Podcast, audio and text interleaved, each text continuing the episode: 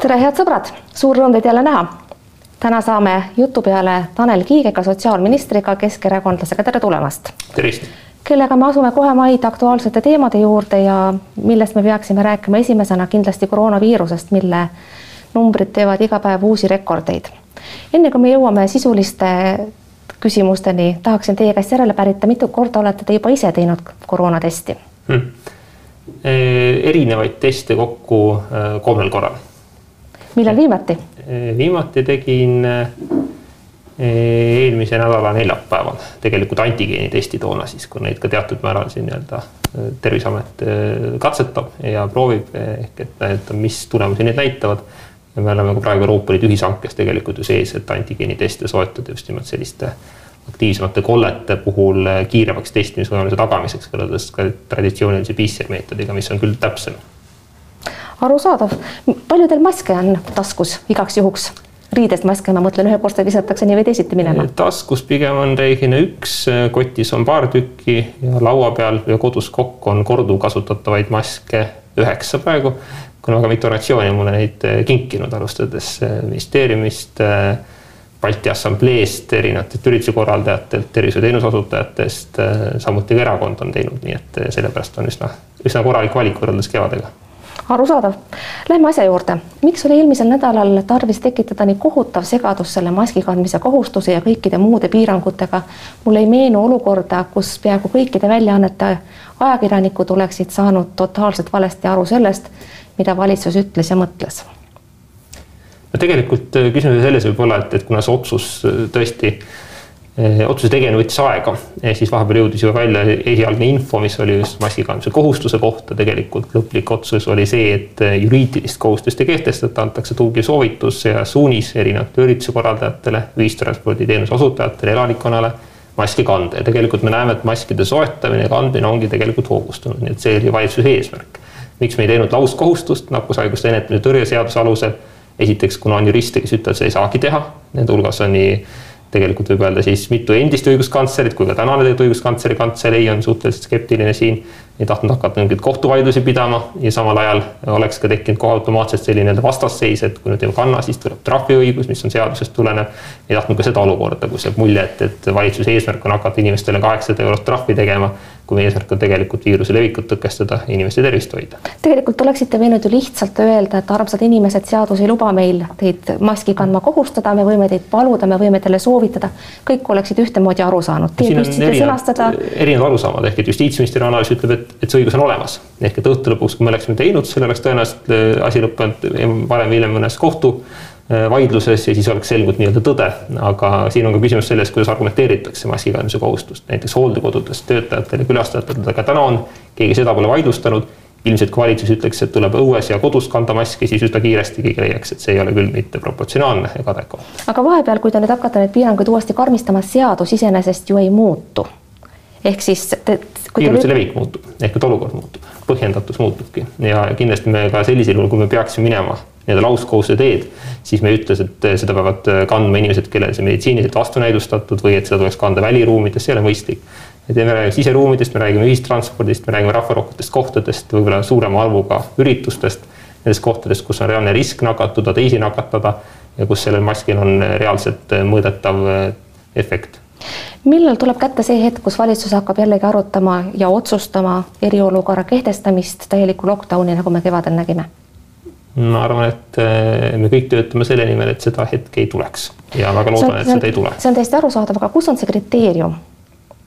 Et... no eriolukorda seaduse mõttes ju niimoodi kunagi keegi mõõtnud ei ole, et kui palju peab olema nakatunud eh, SARS-CoV-2 viirusega, et eriolukord kehtestada. eks see on valitsuse enda nii-öelda suveräänne otsus, loomulikult tuleb seda põhjendada, tuleb hinnata neid asjaolusid. praegu me ei liigu eriolukorra teed ja olen üsna kindel, et see on ka valitsuse enamuse, sealhulgas peaministri soov äh, see kriis ületada, see teine laine ületada ilma eriolukorda välja kuulutamata. kui palju on valitsuse liikmete hulgas neid, kes on lähikontaktsena pidanud jääma eneseisolatsiooni? Mõned üksikud on tõesti seda teinud ja mõned inimesed on seda teinud ka nii-öelda eh, profülaktikaks ehk et tegelikult olukorras, kus nad ei ole otseselt eh, lähikontaktsed, aga on olnud kas mingeid sümptomeid, on olnud olukord, kus on viibitud mõnel üritusel, kus on teada, et kuskil kaugel on veel olnud mõni Covid-19 haige või SARS-CoV-2 viiruse kandja et siis on negatiivse testi tulemusena olnud video teel ühenduses. Ja ka täna tegelikult valitsuse liikmetel on võimalik osaleda valitsuse istungitel üle videosilla miks on nii, et praeguse seisuga on nii-öelda soovitav või aktseptaabel haigestuda koroonaviirusesse, aga mitte põdeda teisi tõbesid, sellele juhtis viimati tähelepanu ka jutusaade olukorrast riigis. ja samamoodi on viidanud ka Tallinna kiirabi juht sellele, et juba ka ravis, plaanilises ravis on tulnud teha teatavaid mööndusi no,. ehk siis kuidas, kuidas kõik ehk eh, ma... Tallinna kiirabi juht Raul Adras rääkis ERR-ile. see, et meil on mingeid olukordi, kus näiteks konkreetses osakonnas on, et tervishoiutöötajad nakatunud või mingi ajutine kolle, mistõttu tuleb seal mõned vastuvõtud tühistada, seda võib loomulikult ette tulla, aga praegu sellist lauspiiranguid üheski haiglas, eh, kahekümnest haiglavõrgu arengu haiglast minule teadaolevalt ei ole kehtestatud ja eesmärk ongi ju kogu see sügisene koroonaviiruse laine läbi elada, läbi ütleme üle, üle elada nii, et meil ei tule plaanilist ravi sel määral piirata, nagu seda tuli kevadel teha. terviseamet enam lähikontaktsetel järge pidada ei jõua, kontakti võetakse nendega mitu päeva hiljem või lausa nädal hiljem. kui jätkusuutlik selline olukord teie meelest on? Eh, terviseametit oleme tugevdanud läbi ministeeriumi, eh, oleme tugevdanud läbi valitsuse poolt eraldi lisaraha, samamoodi ka Politsei- ja Piirivalveamet aitab siin väga tugevasti just nimelt läbi helistamisel. ka teatud eh, IKT lahendused, mis on seesama kõneroboti näide, et vähemalt eelinfo, esialgne info inimene jõuaks, et ta saab olla ettevaatlik ja ta teab, et temaga võetakse ühendust. samamoodi oleme arutanud perearstide seltsiga, et kuidas võiks laiemalt kaasata perearstid siin panustada just nimelt eh, lisaks lähikontaktsete nõustamisele, võib-olla ka teavitustöös, praegu on pigem olnud eh, perearst see hilisem kontakt, kes siis on, aitab haiguslehe väljakirjutamisel, loomulikult ravi jälgimisel ehk väga oluline lüli siin ahelas. aga ma arvan, et nende võimekus ja võib-olla ka siis teadlikkus on kõrgem, ehk et ideaalis võiks toimuda see ka nii, et tervisesüsteem tervikuna ja laiemalt aitab sellistel kriisidel Terviseametit just nimelt operatiivsete küsimuste lahendamisel. see eeldab teatud andmebaaside koos töötamist, see eeldab teatud isikukaitse nõuete, isikuandmekaitse nõuete täitmist loomulikult, aga ma arvan, et see on tehtav kuidas jääb haiguspäevade hüvitamise uue skeemiga, ma saan aru, valitsus on saanud kokkuleppele Tööandjate Keskliiduga, kuid väiketootjad ehk siis EVEA seisab sellele plaanile vastu. kas seadusemuudatus saab teoks ilma EVEA nõusolekuta? ja teiseks, kui see hakkab kehtima alles aasta algusest, uue aasta algusest, siis jääb kustutamata see tulekahju, mis praegu lahti on. Noh, valitsuse tasandil on tõesti siin olnud mitu arutelu, lisaks sellele mina pidanud kolmepoolselt tööandjate ametiühingutega neid debatte eh, tulenevalt asjaolust, et see puudutab nii tööandjaid kui, kui töötajaid ja ka Haigekassa nõukogusse kuuluvad tegelikult nii tööandjate ametiühingute esindajad, ehk see tundus igati soliidne nendega enne läbi rääkida. praegu ei ole valitsuse poolt lõplikku otsust ja parlamendi poolt samuti mitte, see eeldab seaduse muutmist, seal on ka teatud rahalised mõjud, on teatud nii-öelda kartused eeskätt tööandjate poolt võib-olla, et liiga varane hüvitamine võib hakata ka sellist eh, kuritarvitusriski tõstma. EVEA pöördumise sisu oli natuke teine, nemad eeskätt muretsesid selle vaates, et, et see peaks olema eh, nii-öelda riigi roll, eh, haigekassa roll neid kulusid nagu kanda. kuidas? nagu kevadel. kevadel tõesti ajutise mm -hmm. lahendusena oli, seda väga jõuliselt ka kasutati, lühikese aja jooksul üle seitse miljoni euro kulus nende haiguspäevade hüvitamiseks et loomulikult eh, kevadel ta oligi põhjendatud, kuna toona oli see teadmatus suurem, oli vaja, et inimesed võtaksid maksimaalselt tõsiselt seda ja jääksid koju haigussümptomite korral. pikaajalise lahenduse ma olen välja öelnud, mina toetan seda nii-öelda kaks kuni viies päev, teine kuni viies päev tööandja edasi haigekassa. saan aru teie jutust, et see ei ole üldse kindel, et see skeem hakkab kehtima isegi mitte aasta algusest eh, no kindel on ta siis, kui on valitsus ja parlament vastu otsuse langetanud, see eeldab seadusemuudatusi ja neid seadusemuudatusi hetkel tehtud ei ole. või nii räägime paar sõna ka Haigekassa rahastamisest, see on olnud pikaajaline probleem ja kindlasti te lugesite ka Eesti Päevalehest Anette Parksepa lugu Haigekassa üüratust miinusest ja sellest, kui jätkusuutmatu Haigekassa rahaallikas praegu on.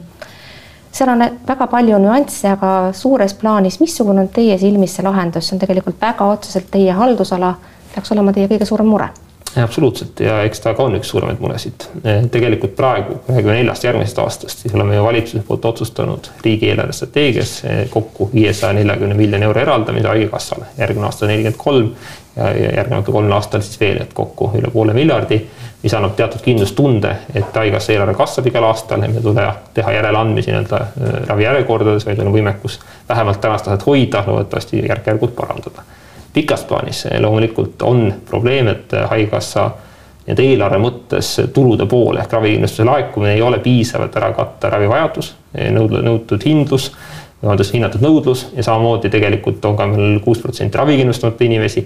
Mina isiklikult arvan, et õige oleks meil mingi hetk minna maksubaasi laiendama, ma tean, et täna valitsuses ei ole tõenäoliselt konsensust suure põhjal, suuremaks selliseks maksureformiks, maksupaketiks. aga arvan, varem või hiljem see otsus tuleb ära teha, nii et tõenäoliselt sellest saab olema kaks tuhat kakskümmend kolm aasta Riigikogu valimiste üks selliseid võtmeküsimusi, et millise maksubaasiga, maksu võib-olla siis süsteemiga Eesti edasi liigub, kuidas me tagame üheaegselt inimestele väärika pensioni, tasuta ja kvaliteetse kättesaadava tervishoiuteenuse ja kõik muud riigi jaoks olulised teenused, on see haridus, on see sotsiaalvaldkond, on see kultuur, on see siseturvalisus. me peame rääkima ka veel abielureferendumist, sest see on see teema, millega valitsus on kõige rohkem eetrit täitnud, ma saan aru, homme jõuab Riigikokku vastav eelnõu, mis peaks siis sisaldama ka küsimust, mille erinevaid variante me oleme avalikus ruumis kuulnud. Teie kindlasti teate, missugune on see lõplik versioon küsimusest. Rahvahääletuse algatamine ja korraldamine on parlamendi otsus, et kui parlament on otsustanud mingi küsimuse sõnastuse kasuks, siis see küsimus saab ka nii-öelda. Teile, teile pole teada see? ei, ma tean neid algseid nii-öelda töö läbirääkimisversioone, mis on tõesti olnud siis see, et kas abielu peab, peab jääma mehe ja naise vaheliseks liiduks, on vist see sõnastuse kavand, mille on peaminister välja öelnud kui ma olen abielureferendumist rääkinud teie erakonnakaaslase Mailis Repsiga, siis on ta siinsamas stuudios kahel korral viidanud, et koalitsiooniläbirääkimiste käigus olid teised variandid, teised alternatiivid nii-öelda sellele abielureferendumile koalitsioonilepingus oluliselt hirmsamad. Teie olite seal nende koalitsiooniläbirääkimiste juures ja teid peetakse endiselt, kuigi te seda kogu aeg eitate, selle valitsusliidu üheks arhitektiks. olge hea, te kindlasti mäletate täpselt, mis olid need hirmsamad alternatiivid? Mm, noh, tegelikult neid saab lugeda erakondade valimisprogrammidest ehk et mis seal salata, EKRE on öelnud, nende valimisplatvormiski seisab, et kooseluseadus tuleks tühistada. Isamaal kui EKRE-l on äh, valimisplatvormis seisukoht, et abielu peaks olema põhiseaduse fikseeritud mehe ja naise vahelise liiduna. ehk tegelikult sarnased ettepanekud loomulikult olid ka toona äh, koalitsiooni läbirääkimistel laual Keskerakonna soov oli, et juba antud õiguseid ei hakataks kelleltki ära võtma, pean seda ainuõigeks, ainumõeldavaks variandiks. pigem minu silmis on küsimus selles, et eh, tuleks liikuda edasi ehk inimesi tuleks kohelda võrdselt nii seaduste mõttes kui laiemalt elus tervikuna arvan, et see peaks olema iga valitsuse, iga parlamendi, iga inimese eesmärk tegelikult. ehk kui Mailis Repsin ütles siinsamas stuudios, et, et koalitsioonipartnerid soovisid eh, selliseid muudatusi, mis otseselt diskrimineerivad vähemusi siis käis jutt kooli, äh, kooseluseaduse tühistamisest. Jah, see ei ole ju mingi saladus, et, et Eesti Konservatiivne Rahvaerakond on seda taotlenud. käesolevas koalitsioonis on Keskerakond selleks garandiks või võib öelda tagatiseks, et sellist otsust parlamendis ei tule. kui Keskerakonnas on olemas arusaamine, et selline nõudmine ei, ei ole inimväärikas ja see ja on tegemist vähemuste diskrimineerimisega, siis tekib küsimus, kas kas partei läks sellist, sellistele läbirääkimistele omalt poolt rohelist tuld andes vastuollu oma südametunnistusega või koguni põhiseaduse kaheteistkümnenda paragrahviga, mida te olete koos koalitsioonipartneritega nüüd viimasel ajal põhjalikult tudeerinud? ei, küsimus on ju selles, et me ei, ei olnud nõus kooseluseaduse tühistamisega, me ei olnud nõus ühegi tänase Eesti elaniku, on ta vähemuse või enamuse esindaja, õiguste äravõtmisega. Ja sellist otsust ei ole ka äh, kehtivas koalitsioonilepingus ometi on abielureferendum midagi, mis pidevalt stigmatiseerib LGBT kogukonda, eriti homoseksuaalseid inimesi ja annab neile mõista, et nad oleksid justkui teise sordi kodanikud. kuidas, mida ütleb teie südametunnistus selles olukorras, kus teid sageli on ju peetud nende kogukondade eestkõnelejaks? ma arvan, et mitte minu südametunnistus, vaid ma arvan, et Eesti inimesed tervikuna on sallivad, on mõistvad, on empaatilised, saavad väga hästi aru, et me kõik sünnime siin ilma võrdsena, sõltumata sellest, mis on meie rahvus, nahavärv, sugu, seksuaalne sättumus, mis tahes muu tunnus. ja ma usun väga ja olen tegelikult veendunud, et ka Eesti ühiskond liigub selles suunas, kus ülejäänud Euroopa ja maailm, et selgemalt ja võrdsemalt kohelda kõiki ühiskonnagruppe et saadakse aru, et diskrimineerimisel, koolikiusamisel, vihakõnel, sellistel asjadel ei tohiks olla ühiskonnas kohta.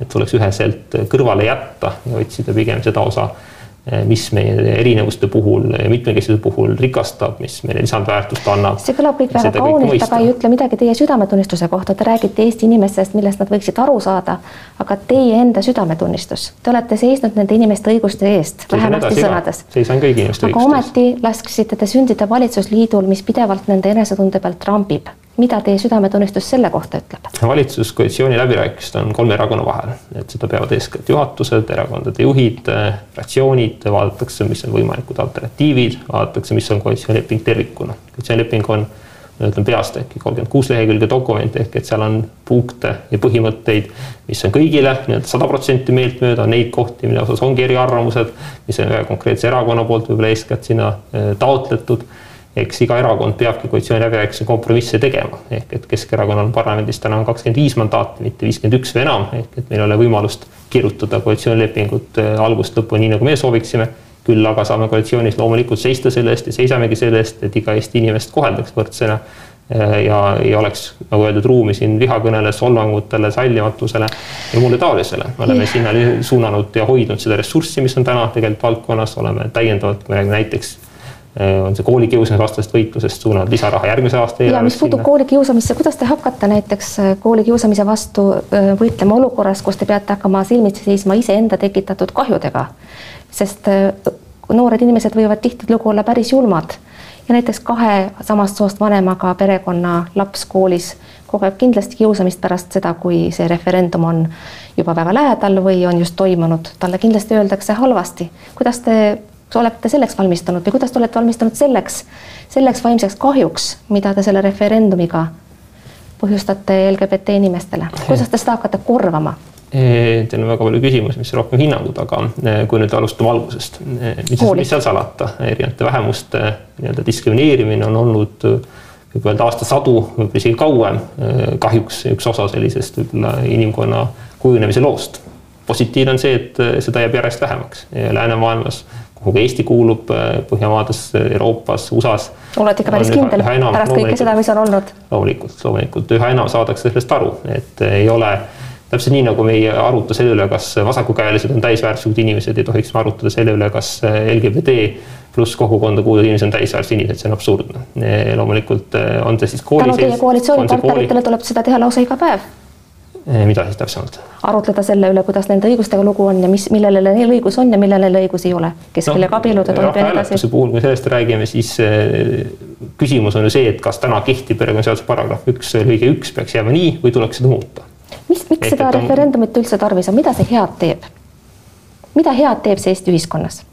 no see rahvahääletuse võib-olla siis algatajate või taotlejate peamine eesmärk on saada selgust ehk et millises suunas Eesti ühiskond soovib liikuda. aga ma küsin teie no, käest, mida head see teie hinnangul teeb? Te olete selle valitsuse minister, mida head see teeb?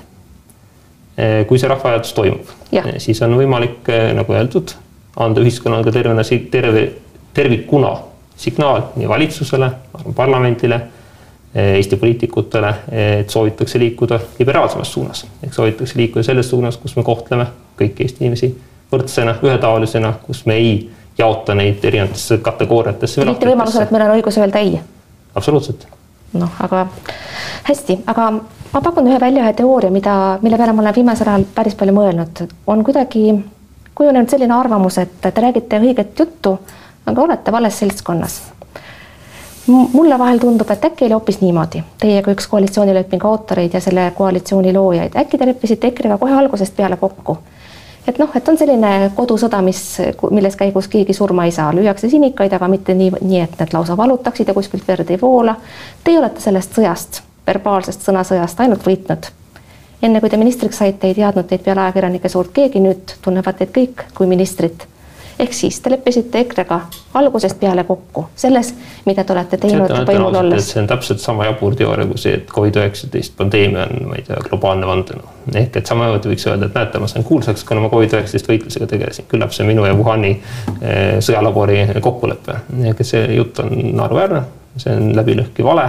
Eh, koalitsiooni luues leppisime kokku selged põhimõtted mis seal salata, neid pole alati täidetud, nendel kordadel on tulnud ka sekkuda, on tulnud debatti pidada nii kinniste uste taga kui avalikkuses. vajadusel tuleb seda teha edasi.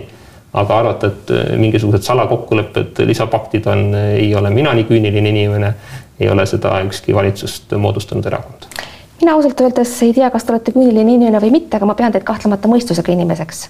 ja vaevalt saite te seda valitsust sündida lastes uskuda, et retoorika pehmeneb aga miks te nii arvate? meenutaks aega, kui Keskerakond oli opositsioonis. väga palju oli sellist äh, süvariigi juttu, vandenõude juttu, õigusriigist lahtisidumise juttu, Keskerakond tuli koalitsiooni, tuli uus juht, tuli uus mõtlemine, uus suhtumine, uus hingamine ja tegelikult retoorika läks teistsuguseks. see, milline on EKRE retoorika olnud, see on nende erakonna inimeste, juhtide, fraktsiooni valik Nendel oli valida ja on tänagi valida tegelikult, et mis suunda minna ehk et kas minna sellist euroopalikku teed, minna sellist kaasavat, ühiskonda hoidvat teed või minna sellist äh, vastandusi otsivat teed. nii et te arvate senimaani, et äh, retoorika võiks ikka veel pehmeneda ja et asi üldsegi on ainult retoorikas, mitte tegelikult sisulistes nõudmistes ja pärististes hoiakutes? no mõtleme korra EKRE liikmeskonnale, paljuski on Rahvaliidust välja kasvanud ehk et need on maaelu valdkonna inimesed, regionaalvaldkonna inimesed, sinna kuulub näiteks Eesti äh, president Arnold Rüütel auesimehena, kellest ma pean väga lugu. Ja kahtlemata on selliseid inimesi veel, kelle jaoks ei ole vastandust otsimine või ühiskonna lõhede süvendamine mingiski mõttes sobiv või vastuvõetav, ehk see on EKRE valik, et millist nii-öelda kurssi retoorikas hoida. Ja mis seal salata, viimasel ajal on ju juhtumid näidanud, et on ka ise aru saadud, et teatud hetkedel tuleb äh, võtta poliitiline vastutus oma ütluste eest. Tanel Kiik, kui te saaksite minna sellesse hetke tagasi, kui valitsus sündis ja koalitsioonilepingut kirjutasid, kirjutati kas te ka praeguste teadmiste ja kogemuste juures nõustuksite sellega, et seesama referendum saab sinna sisse ja kas te üleüldse sõlmiksite ikka valitsusliidu nende samade partneritega? olete selles tänagi veel kindel selle kogemusega, mis teil on? vaadake, see on nüüd elu üks suuremaid nii-öelda paradokse muresid, et sa tead täpselt seda stsenaariumit, mis tee sa oled valinud. sa ei tea, mis oleks juhtunud, kui oleks teinud mingi teise valiku, mis oleks siis selle pooleteist aasta jooksul Eesti riigis toimunud, mis ei oleks toimunud, mis oleks paremini, mis oleks halvemini ja selles vaates selliste küsimuste vastamine on suhteliselt tänamatu tegevus, sest mul peaks olema kõrval teine alternatiiv, teine teadmine, arusaam sellest, kus me oleksime jõudnud mõne muu valiku korral, aga seda teadmist meil ei ole ja teadmist ei saa ka tulla. järgmine raadiosaade on juba pühapäeval, ühe saate lasite üle võrdlemisi kergesti, kuid tegelikult on valitsus olnud kriisis ikkagi peaaegu permanentselt. Mida teie teete tavaliselt sellel ajal, kui see saade käib, kas kuulate kõrvikis ja valmistute järgmisteks noh, ma ei tea, vabandust palumisteks, silumisteks ei, pühapäeviti ma veedan aega oma perega, nii palju kui võimalik, olen lapsega väljas, õues, äh, võib-olla siis külma või märjama ilma korral toas, kuigi teda ilm ei häiri, ta on kaheaastane selles vanuses, tundub kõik, kõik, mis on õues tore, sõltumata sellest, kas tuleb seal vihma või lund ja tegelikult nii ongi, aga raadiosaadet ma olen tihti tagantjärgi järele kuulanud, kui seal on olnud tõesti mingeid kohti, mis eeldavad reageerimist, vastamist, tihtipeale, mis seal salata, esimesena toovad selle sisu minuni ajakirjanikud, kes helistavad, kahjuks nii oli ka isadepäeval, kui oleks olnud märksa paremat teha, kui selle raadiosaatega tegeleda. Keegi enam isegi ei räägi mingitest punastest joontest, kas valitsuse liikmete peades keskerakondlaste poolel üldse midagi säärast veel eksisteerib või on see termin, mille peaksime unustama, säärast asja lihtsalt enam poliitikas ei ole. Ei no tegelikult see ei vasta ju tõele, ehk et äh, nii nagu enne viitasin, siis teatud juhtumitel, kui vaatame kasvõi seda valitsuskoalitsiooni poolteist aastat, on olnud olukordi, kus EKRE ministrid on mõne eksimuse eest vabandanud, on olnud olukordi, kus nad on äh, ametist lahkunud ja sama kehtib tegelikult ka teistele koalitsiooni osapooltele, ehk et on loomulikult piirid, millest üle ei saa minna. mitu Keskerakonna ministrit eelmises valitsuses lahkus ametist, sama tegid ka tegelikult teiste koalitsioonipartnerite ministrid. ja on ka olnud neid olukordi, kus on olnud nii-öelda umbusaldusi nii varasemalt, enne seda valitsust, tuleb kindlasti ka pärast seda valitsust. ehk äh, selles vaates võib öelda, et need jooned on selgelt olemas, aga see, et keegi püüab neid kuidagi enne ette maha joonistada, ütelda, et kui ta, mis ta peab täpselt ütlema või mis ta peab sõnastama, et noh, see, see lihtsalt päriselus ei toimi, päriselu on dünaamilisem mida te ütlete nendele inimestele, kes ennustavad, et need kolm osapoolt püsivad valitsuses koos tõenäoliselt kohalike valimisteni, kuna on jagada hulk raha, mida on kokku laenatud ja muudest allikatest saadud. ja siis on see piir käes või ülimal juhul on see kannatuste karikas täitub presidendivalimisteks. mida te selliste ennustuste kohta ütlete? Need ennustused on sama head kui kõik teised kuivõrd te ise täna tunnete, et Keskerakond jälgib, järgib veel neid ideaale, millest ta viimase, viimaste valimiste eel kõneles, õiglane riik kõigile ja kõik need teised asjad, mida me hästi mäletame? no tegelikult väga paljuski, ehk et kui võtta reaalseid valitsuse otsuseid, mida, mis poliitikat on Keskerakond teinud, me oleme tõstnud töötutoetust, me oleme suurendanud tervishoiurahastust, me oleme lisanud lisaraha töötukassa meetmetele kriisi ajal toimetulekuks, samuti töötuskindlustushüvitise makset oleme toetanud äh, sotsiaalvaldkonna edasiminekuid, kohalikke omavalitsusi, maaelu valdkonda, ehk väga paljusid neid kohti, mida Keskerakond lubas enne valitsust, noh, rääkimata teadus-arenduse rahastamise tõstmisest ühe protsendini. ehk need põhimõtted ja need programmilised eesmärgid, mis Keskerakonna valimisplatvormis seisavad, mille mina olen ka öö, koos meeskonnaga kirjutanud, on väga paljuski olnud ka need poliitilised otsused, mida see valitsus on teinud nii praeguse kriisi ajal erinevate riigieelarvete läbirääkimiste käigus. erakorralisest pensionitõusust ma praegu meelega ei hakanud rääkima. Tanel Kiik, viimane küsimus, lühike vastus, kas te olete uhke sellesse valitsusse ministrina kuulumise üle? on väga palju tööd selles valitsuses ja ma arvan, et väga mitu valitsuse otsust on sellised, mille üle võib uhke olla. Tanel Kiik suur,, suur-suur tänu, et stuudiosse tulite, head sõbrad, aitäh, et vaatasite, vaadake järgmine kord jälle, mingu teil vahepeal hästi, kuulmiseni, nägemiseni